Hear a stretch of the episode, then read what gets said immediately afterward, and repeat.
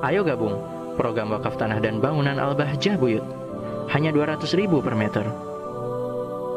Baginda Nabi Muhammad SAW bersabda, Yashfa'u, Yashfa'u akan memberi syafaat pertolongan yaumal kiamati di hari kiamat salah satu tiga model manusia tiga model kelompok yang pertama adalah al-anbiya'u para nabi para nabi kelak akan diperbolehkan oleh Allah untuk memberikan syafaat kepada umatnya.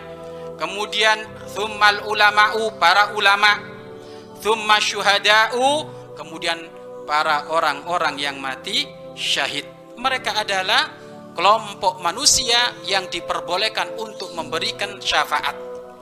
Ya dan nanti memang nanti kita itu akan dikumpulkan di satu padang mahsyar hamparan bebas itu semuanya orang pada ketakutan semuanya orang pada gelisah.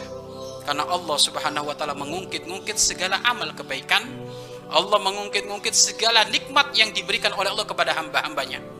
Maka saat itu banyak para umat berduyun-duyun meminta untuk diberi syafaat kepada Nabi satu, Nabi dua, Nabi tiga sampai nyampe lah kepada baginda Nabi Muhammad Wasallam. Maka Rasulullah berkata ana laha ana ana laha sayalah yang punya syafaat itu. Sayalah yang punya syafaat itu.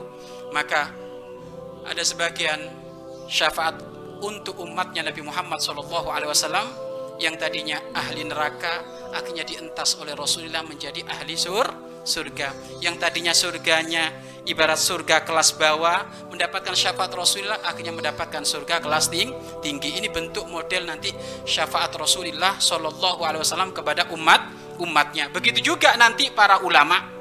Makanya kalau kamu cinta dengan para ulama mudah-mudahan nanti mendapatkan syafaat para ula, ulama dan juga para syuha para syuhada. Waruya annal ulama yaumal kiamati ala manabira min nurin.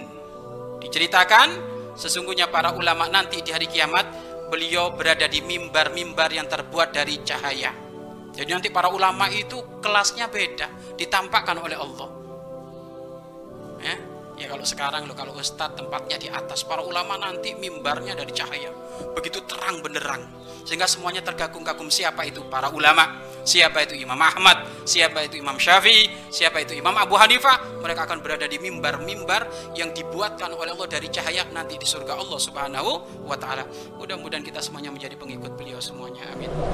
Mari berinfak untuk operasional lembaga pengembangan dakwah Bahjah Buyut.